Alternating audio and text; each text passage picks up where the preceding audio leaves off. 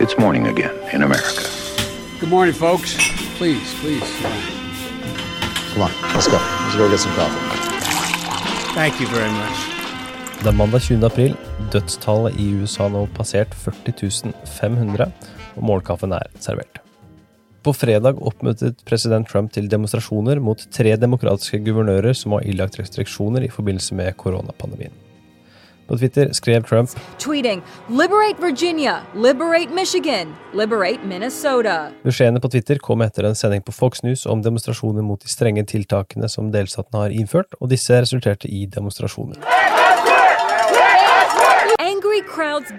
Det finnes også flere andre delstater som har innført lignende tiltak i bekjempelsen av koronapandemien, som Trump da ikke trakk fram i sine tweets, og det er lite tilfeldig at delstatene som Trump tvitret om, er ledet av demokrater. Stephen Colbert is not impressed. Protesters carried Trump flags, MAGA signs, even Confederate flags. Because nothing says never surrender like a Confederate flag. Oppfordringen til Trump står i kontrast til hans tidligere budskap om at hver stat selv er ansvarlig og fri til å velge utforming av koronatiltak.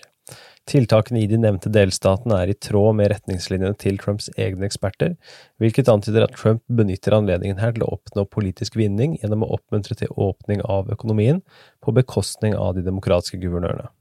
Vi skal her høre litt fra guvernøren i Virginia, Ralph Northam, guvernøren i Minnesota, Tim Waltz, og Michigan-guvernør Gretchen Whitmer. Uh, as the governor of the Commonwealth of Virginia, uh, I, along with this staff, uh, is fighting a biological war. Uh, I do not have time to involve myself in Twitter wars. Uh, I will continue. Uh, to make sure that I do everything. I'd like to know what they think we could have done differently because, again, we're leading as we were asked. We flattened the curve. We've built up our PPE. We've kept Minnesotans alive, and we're moving people back into the workforce in a safe manner. Um, I would argue we're doing everything um, that they're telling us to do, but the difference is I actually have to do it here. We actually have to do it here and deliver.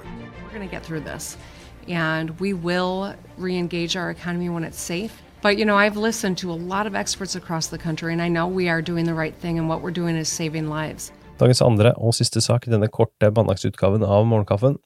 Gallup viser nedgang i Trumps popularitet. Gallup har kommet med en ny måling som viser en nedgang i Trumps approval rating. I den amerikanske befolkningen så er det ifølge målingen nå 43% som synes Trump gjør en god jobb, mot 54% som ikke synes det. Dette betyr at Trumps netto popularitet er på minus 8 prosentpoeng i denne målingen. Til sammenligning så var det i mars 49% som mente Trump gjorde en god jobb, mot 45% som mente han ikke gjorde det. Det skal også nevnes at Trumps nåværende popularitet på 43 er blant hans høyeste mens han har vært president, i denne målingen, men lav sammenlignet med tidligere målinger i 2020.